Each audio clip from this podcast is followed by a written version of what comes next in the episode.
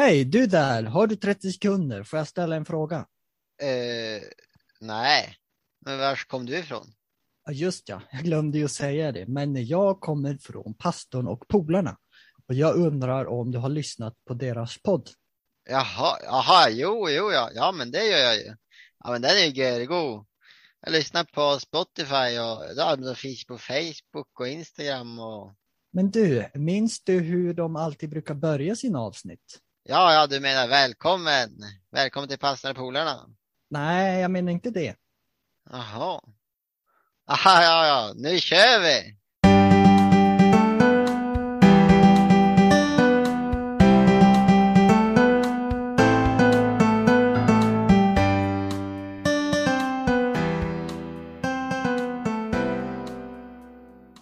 Hej och välkomna till eh, ett nytt avsnitt i Pastorn och polarna.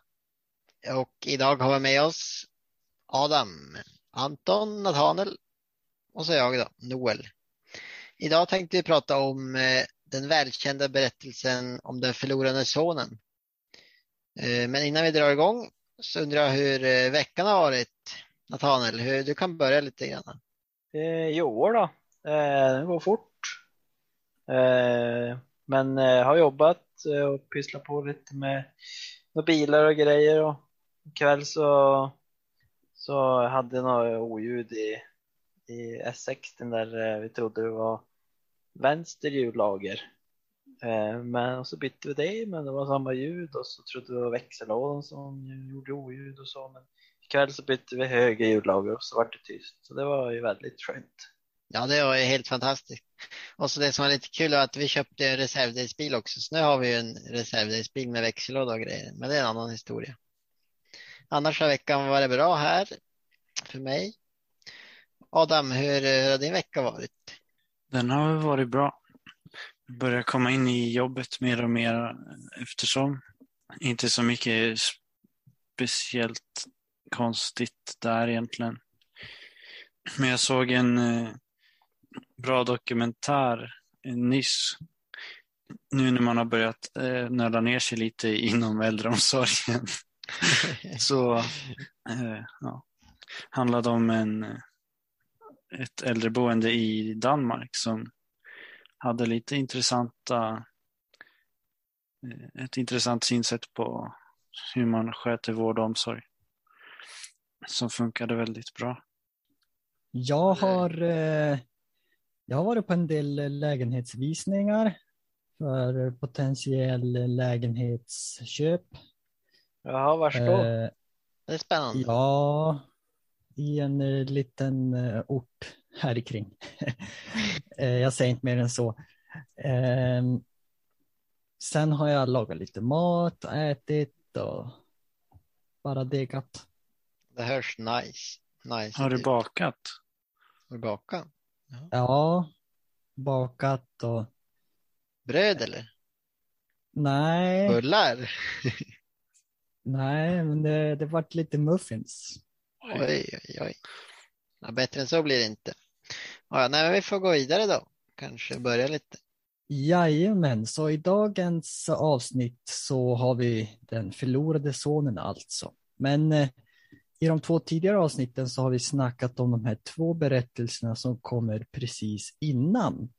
Det, eh, det, det är alltså det förlorade fåret och det förlorade myntet. Men vi har då den här berättelsen om den förlorade sonen, vi har den kvar.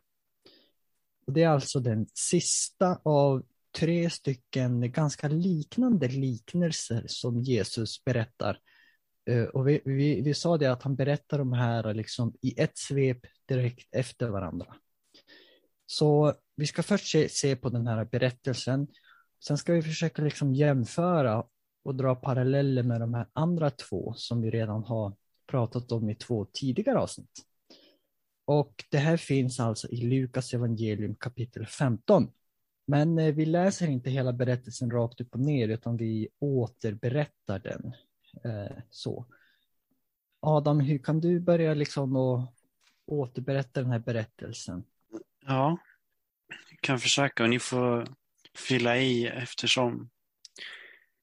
Men eh, berättelsen handlar om en, en man som hade två söner.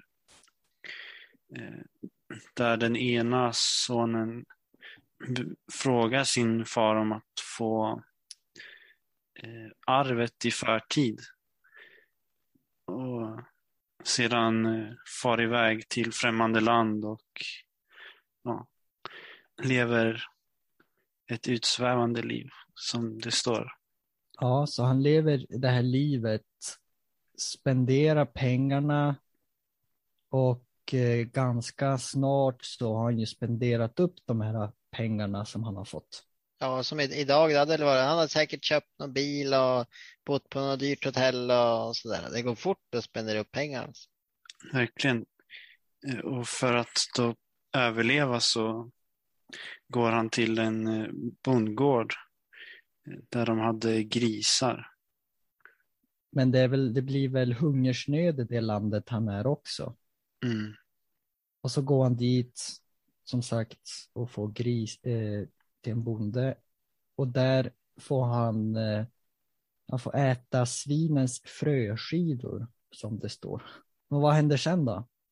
Per-Erik brukar alltid eh, betona det extra mycket som det står att då kom han till besinning.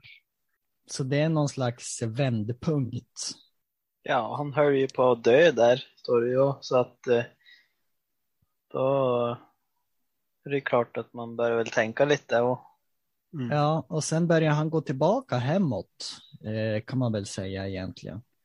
Och när han går på väg hemåt så funderar han och tänker, åh, jag måste be om ursäkt eller liksom förlåtelse till min far och att eh, han är inte värdig och, och eh, mer än att vara, bara vara en tjänare hemma när han kommer tillbaka. Så gick han hem. Och sen i, eh, ser pappan, pappan har ju gått och väntat på den här sonen varje dag. Och sen ser han den, ser han honom komma längst, långt där borta någonstans. Och så säger han att eh, jag har syndat mot himlen och mot dig, jag är inte värd att kallas din son längre. Måste jag bara lägga in, hans, eh, pappan sprang ju och mötte honom och gav honom en kram och grejer. Ja, så det blir en eh, återförening och så säger farsan där, ja ta fram bästa kläderna och nu är det fest och, och, och nu ska vi fira för att min son har kommit tillbaka. Men då är det ju den här äldre sonen som ja, har varit och gått där hemma hela tiden och han bara vad, vad nu? Jag har varit här hemma hela tiden och inte har jag fått festa någonting, men när, när den här kommer hem, då minsann blir det fest. ja, så han eh, blir väl inte så glad eh, just då. Så han, eh, han vill väl inte gå in till festen så att Eh, han frågade en tjänare vad det var, varför det var fest och så sa han att eh, hans bror hade kommit hem.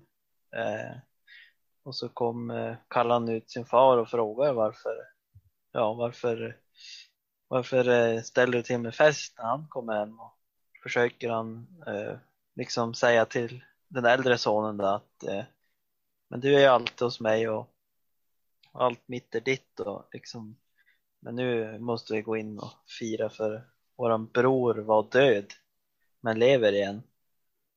Han var Ja. förlorad men är återfunnen. Precis, det är så den slutar, berättelsen.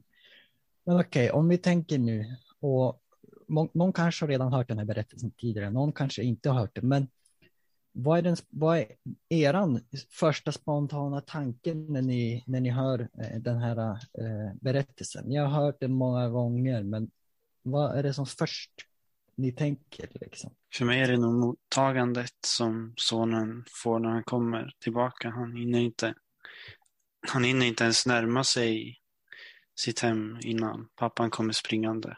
Eh, oväntat mottagande av, alltså av sonen liksom. Han tänker inte, att, tänker inte det liksom. Nej, Jag tänkte bara i början, ja, det, är, det är två söner. Det är, lite, det är helt, de är helt olika karaktärer kanske, eller olika, vad ska man säga, ja de är helt olika i alla fall. Personligheter. ja, vad menar du då? Ja, en, en är ju han är liksom lite så här, vill utforska världen och kanske, kanske är glad och väldigt så här um, energisk. Skulle jag kunna tänka mig. Och så andra, han är lite så här tillbakadragen kanske. Lite är nöjd på, han, är han är ändå ganska nöjd på gården. Det tror jag. Liksom är hemma med sin eh, far och liksom håller på att arbeta och sådär. Det jag tänkte på först var, det är vers 21, att far, när sonen kommer tillbaka, så säger han, jag har syndat mot himlen och mot dig. Jag är inte värd att kallas din son längre. Just det där, jag är inte värd att kallas din son längre. Jag menar, det måste vara ganska, eh, han måste ha känt sig extremt värdelös på ett sätt. Eftersom han inte ens tror att han är värd att kallas son. Ja, han förstod ju att han hade stuckit ifrån allt och bara haft det gött liksom. Men... Jo, det är sant, men och det, det kan man ju göra, men just det där är att det betyder ju inte att man inte är liksom Ja, jag vet inte, jag bara tyckte det var lite ja, det var den som slog mig så här direkt. Men eh, är det något som är överraskande i den här eh, berättelsen som, som egentligen kanske inte är, eller som är lite så här, jaha, varför hände det där? Vad, vad, vad, vad hände nu? Ja, jag tyckte i början liksom att han frågade ju far, ge mig min del av arvet nu. Det var ingen självklarhet att, att hans far skulle gå med på det här. Eh, Eh, så det är lite överraskande att liksom han bara säger okej, okay, ta, ta det och stick liksom. Det är liksom eh, man skulle väl, ja, eh, jag ska i alla fall om jag var far och liksom försöka övertala han att det kanske han hade gjort men det framkommer inte berättelsen här. Eh, men det är lite överraskande att det är bara, jaha, varsågod, hej då. Ja, för jag menar, det är ju, man gör ju inte så, inte ens idag nästan. Man tar ju inte, det är ju i så fall om ens förälder går och tänker, jag ska, eh, jag ska dela ut lite arv eller lite sånt i förväg till mina sön, till mina barn, men det är ju aldrig, det är väldigt fräckt även idag om man skulle gå till sina och säga, du, eh, kan jag få en del av arvet lite i förväg? Alltså, ja, jag vet inte. Den är, den är lite uppstudsig. Ja. Är det något mer ni tänker på som var överraskande? Jag tänker på den tiden så är det nog, var det nog överraskande just att han eh, kom till en bondgård med svin eller grisar när det var ett djur som de såg som orent. Det stämmer. Det, så är det ju. För, för judar var ju grisar orent och det var liksom en ytterligare skam. Mm. Och sen en annan sån här kulturell grej är ju den här med att, fad, att fadern sprang emot sin son och kramade om honom och kysste honom. Alltså just det där med att en far eller en man som visade starka känslouttryck. Eh, mm. eh, det är också in, även idag i Mellanöstern, om jag nu förstår det rätt, och jag har inte varit där, men just sådana här starka känslouttryck för, hos män, det är inte riktigt, eh, ja, alltså det är inte riktigt eh, normal, normalt, men alltså det är, inte, det är liksom inte riktigt, eh, ja, hur ska jag mena? Okej, okay. men är det någonting som, som vi inte förstår eh, ur, den, ur den här berättelsen? Liksom, någonting vi inte förstår eh, eller som är konstigt eller som är ja, svårförståeligt? Lite grann det här med fadern säger två gånger på olika ställen att min son var död men har fått liv igen. Hur tänker du då? tänker jag, han var ju inte fysiskt död. Nej. Men på något sätt räknades han som död när han hade fått sitt arv och gav sig iväg och eh, så. Men ja, jag vet inte. Jag tänkte pappan, han står ju och, alltså, han står ju och tittar efter han varenda dag också. Så, alltså, visste han eller tänkte han att han skulle komma tillbaka eller var det bara, för om man tar sitt arv och så sticker liksom, då var ju tanken inte att komma tillbaka kanske. Jag vet. Ja, det är sant. Men då, då, då, då tänker jag så här, då kanske pappan tänkte, ja, egentligen finns det bara två alternativ. Antingen så använder min son pengarna väl och ut, etablerar, liksom bygger upp någonting, investerade det väl så att han kan bygga ett nytt liv. Eller så klarar han inte av det och när pengarna väl är slut så vet han att han kan komma tillbaka. Så att, jag vet inte, kanske någonting sånt. Och så tänkte jag varför stack han inte tillbaka direkt när han fick slut på pengar eller vågade inte direkt eller? För han försökte hitta en jobb, det var väl det sämsta jobbet man kunde ha antagligen. Den tanken har jag aldrig tänkt förut. Nej, inte riktigt jag heller. Eh, men samtidigt nu när jag tänker på det här, hela berättelsen, så är det ju mycket, det är ju mycket skam och eh, skuld här. För Jo. eh, sonen skäms för att han har, dels för att han har tagit arvet i förväg som är i sig en, eh, liksom, eh, ganska eh, ovanligt. ovanligt. Och sen slösar han det och då, då har han liksom skam för att oj, här jag slösat bort en massa pengar. Och sen att han måste ta ett jobb som är längst ner på, all, på hela alltet och äta där, det är också skam. Och sen måste han gå tillbaka och försöka liksom be om förlåtelse. Så att han är ju väldigt skamsen i flera eh, niv eh, liksom, nivåer på ett sätt. Ja. Sista utvägen var ju att gå tillbaka. För det står han höll ju på att svälta liksom. Så det var väl sista utvägen. Antingen dö eller bara försöka gå tillbaka och liksom. Okej, okay, ska, vi, ska vi försöka mm, se den här berättelsen i, ihop med de här två berättelserna innan som jag pratade om. Så ser ni några likheter och skillnader mot de här andra två berättelserna? Liknelsen om det förlorade fåret och om det förlorade myntet. Likheter och skillnader eftersom att vi sa ju att de här är ju som egentligen är de en berättelse eller en eh, helhet som Jesus berättar liksom efter varandra. Och om man tar dem så så kan man se kontraster, skillnader och eh, för att få liksom, ja, vi har ju pratat om det lite i de två tidigare avsnitten, men är det något sånt här som vi kan se liksom? Ja, det, första, det första man tänker på det är kanske att det är någonting som blir återfunnet eller någonting som blir taget tillbaka dit det hör hemma. Ja, och lite det som Adam sa som jag hängde med mig från, jag tror det var förra avsnittet, just det där med att i den första, då är det en procent som mm. eh, försvinner.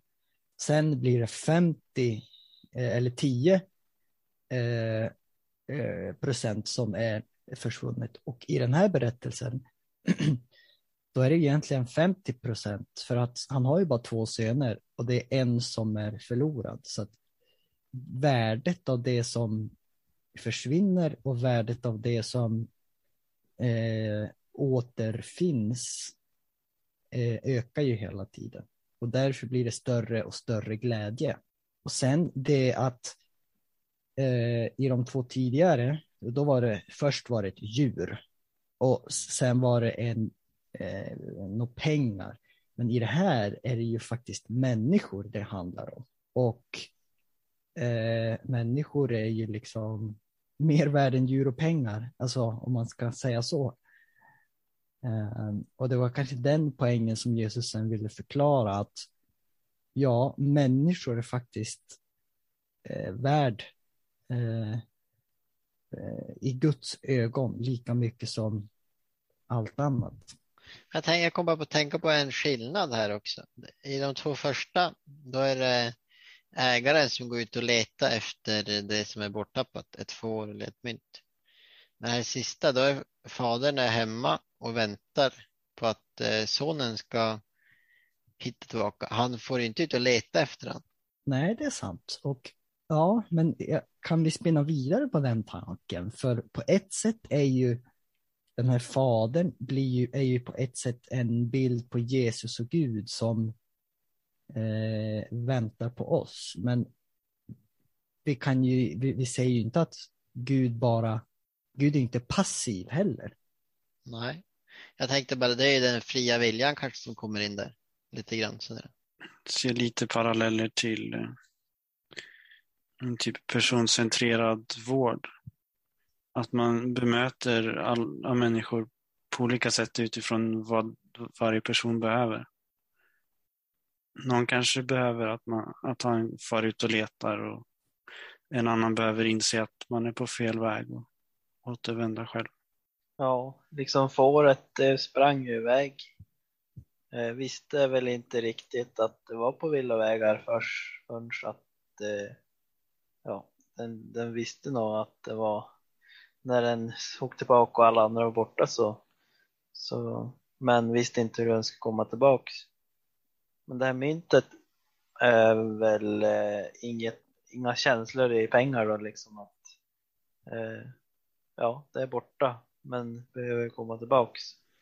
Eh, och så förlorade sonen där liksom att eh, måste inse att eh, det var bättre hos, hos eh, Jesus, Gud, att det kanske är någon som har lämnat kyrkan eller, eller eh, tron. Ja, det är intressant. Myntet kanske, det kanske inte, det, det kanske är när man inte vet att man är borta. jag vet inte. Ja, jo, Ja. Lite grann så att Och så får det till att eh, du vet att du, eller hur kan man säga det? Att, ja, att du aldrig varit, nej, hur blir det? Det kan ju vara att man vet att man är borta men inte hittar ja, tillbaka. precis. Ja, precis. Och sen är det det att myntet, det är lika mycket värt vad, om det är borttappat eller om det är upphittat. Och sen tänkte jag på det här med sonen. Jag menar, den här är ju, det, det, handlar- det, det handlar ju om, vi, vi säger att det är liknelsen om den förlorade sonen. Så, men sonen har ju också förlorat någonting. Han har ju haft någonting, han har förlorat det och sen har han fått det tillbaka igen. Och fadern har ju också förlorat sonen och fått den tillbaka igen. Eh, men sen den här äldre, äldre eh, sonen har, har, är ju också med här i bilden. Han har varit där hela tiden. Han kanske, men samtidigt har han upplevt att han har inte fått någonting. Eh, eller så. Och, och så. Ehm, så det finns ju många aspekter just, just, just på det. Det är spännande med det här äldre sonen. Han var, det står inte att han, han blev ju, vad det här då? Han blev rasande. Ja, Han han har liksom inte fått det. Han har, han har varit, ja, varit irriterad, rasande, bedrövad. mm. Du vad, ja, liksom hur, varför då? Tänker jag. ja men alltså han blir bedrövad på, eh, på pappan som tar tillbaka sonen på ett sätt. Och att han, han inte har fått det som sonen får när han kommer tillbaka. Ja, det verkar som att han eh, känner sig orättvist behandlad. Mm. Ja, Lite avundsjuk. Mm. okej. Man, ja, man kan ju förstå det också på något vis. då. Det, kanske. Ja. Men om vi ska, det finns väldigt mycket mer att, att, att, att prata om där och jag vet att jag har ju studerat teologi på Newbold och eh, vid något tillfälle så kom vi över den här berättelsen och bara för att, bara för att liksom visa att de här berättelserna kan du ta på den nivån. Vi spenderade timtals på, på de här eh, berättelserna också. Så att vi har inte på något sätt tömt ut Mm. eh, allting bara här ikväll. Men eh, ändå så kan vi, måste vi ändå fråga oss, vad kan vi lära och vad kan vi ta med oss utifrån det som vi har pratat om här idag och av de här berättelserna. Ja, vi måste ju ta det till vardagen så vi kan leva ut det som vi har lärt oss. Ja, precis. För att det är ju då det blir eh, meningsfullt och eh, relevant. Mm. Jag ska börja med första historien då lite grann bara. Ja, börja, börja med den eller liksom du kan ta alla tre berättelserna eller liksom så. Men liksom, jo, men om jag, jag tänker så här för att eh, jag har varit med om en eh, situation när eh, jag var i en kyrka och ja, någon kom till mig och berättade liksom om någonting och ganska sen efter, just i samband med det så försvann den här personen från kyrkan. Han kom, eh, han kom aldrig, han syntes inte till, han var frånvarande en tid eh, Eh, och, och så vidare och så vidare. Och sen lika snabbt som han försvann så kom han lite grann tillbaka. Och då tänkte jag att liksom, bara för att en person försvinner i, för att vi är ju så, vi är ju så eh, lite rädd eller vi lägger mycket fokus på att människor inte ska försvinna. Men den här personen kom tillbaka och det, jag gjorde ingenting. Det var, jag tror inte det var någon som gjorde så särskilt mycket för att han skulle komma tillbaka, utan han bara kom tillbaka. Och så sen var han tillbaka på samma plats och i, där han var innan. Och då tänkte jag, ja, intressant egentligen. För att människor hittar tillbaka förr eller senare kanske. Eh, och på något sätt tror jag också man måste liksom lite lita på att människor kanske eh, kommer till slutsatsen att nej, men det är bättre att vara i kyrkan än ute i världen och utan Gud. Ja, så tror jag det faktiskt. Men det är också, jag tror också är lite, det är också lite hur, varför du lämnar också. Jo. Om, om det är inom, ja som vi har pratat om tidigare, är det personliga skäl eller är det, eller är det för att man vill testa ut världen liksom? Ja. Är det liksom vänskap som inte funkar på något vis? Då kanske det är svårare att komma tillbaka om man liksom tycker att folk i kyrkan är lite speciella. Eller om man bara vill ut och prova på världen. Liksom. Ja. Men Då måste man ju... om jag säger så här då, det jag lärde mig och kanske lär mig från den här berättelsen, det är att om en person försvinner från kyrkan så är den per automatik inte förlorad. Eh, jag vet att det är lite så här, det kanske är lite, vi vill ju kanske säga att om en person inte syns eller lämnar kyrkan så är den automatiskt förlorad, men jag har fått lära mig och liksom uppleva att nej, den är inte förlorad så enkelt. Ja, det Han är inte förlorad så, bara så enkelt kanske vi kan Mm. säga. Nej, det ser vi i genomgående i de här tre berättelserna att det, det är ju liksom någon som söker hela tiden på ett har eller aldrig annat. kört. Nej, precis. Jag tänkte precis som Nathanael att de här berättelserna visar att det kanske inte är så farligt att försvinna men det, det är någon som far ut och letar. Ja. Det farliga är om ingen, om ingen letar Mm, Mm. Eller väntar. Eller väntar eller mm, hoppas eller tror på att den personen ska komma tillbaka.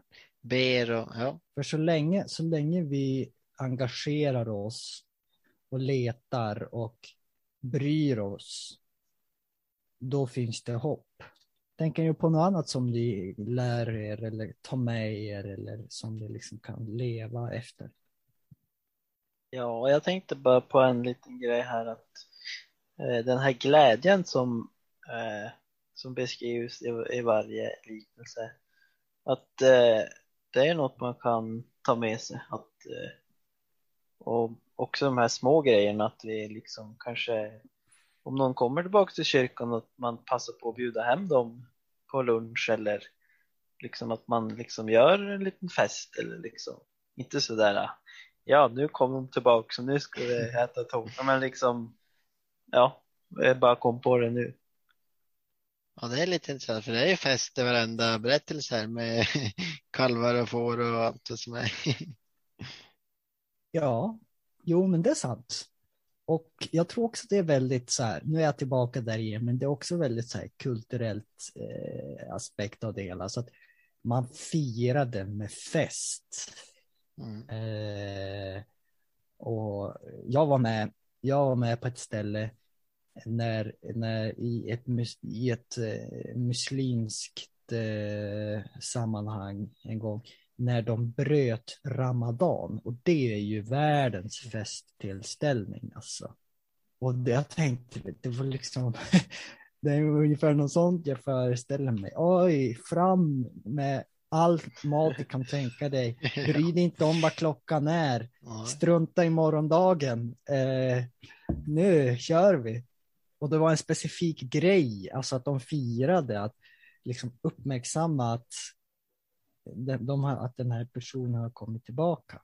Och då, då tar vi det här med att de här fariséerna och skriftlärda som Jesus talar till i den här berättelsen, för det är de som lyssnar. Och hur, liksom hur Jesus säger, tar ni i väl om hand om de som faktiskt Eh, kommer till, till er eller eh, skjuter ni bara ifrån dem eller, eller är, det liksom, är det fest när någon omvänder sig? Eller är ni bara ute efter att eh, hålla människor ute? Har vi något ytterligare här? Annars kanske vi börjar närma oss eh, slutet. Ja, jag tänkte, kan vi inte bara ta det här sista, eller eh, om den förlorade sådana att ta lite den konkret vad de olika, för Jesus han menar ju med de olika, fadern det är ju Gud och så vidare. Liksom. Kan bara ta det som avslutande kanske. Ja, du får utveckla. Fadern är ju liksom Gud. Ja, det är. Gud som är, ja, och sen har vi ju sonen, söner, det är ju, det är ju vi som är i, i församlingen kanske. Ja, Eller alla människor, man behöver inte vara i församlingen heller. nej. Och vissa väljer att leva sina egna liv. Är det det du tänker på? Liksom? Ja, precis. Vissa kanske tar ut arvet och får till och festar och har det fint. även, eh, även idag liksom. Man kan ju Ja. ta det nästan idag. Ja, Och eh, att Gud alltid står, eller han står alltid och väntar och kollar och kikar och, och liksom hoppas på att eh, vi människor ska komma till han.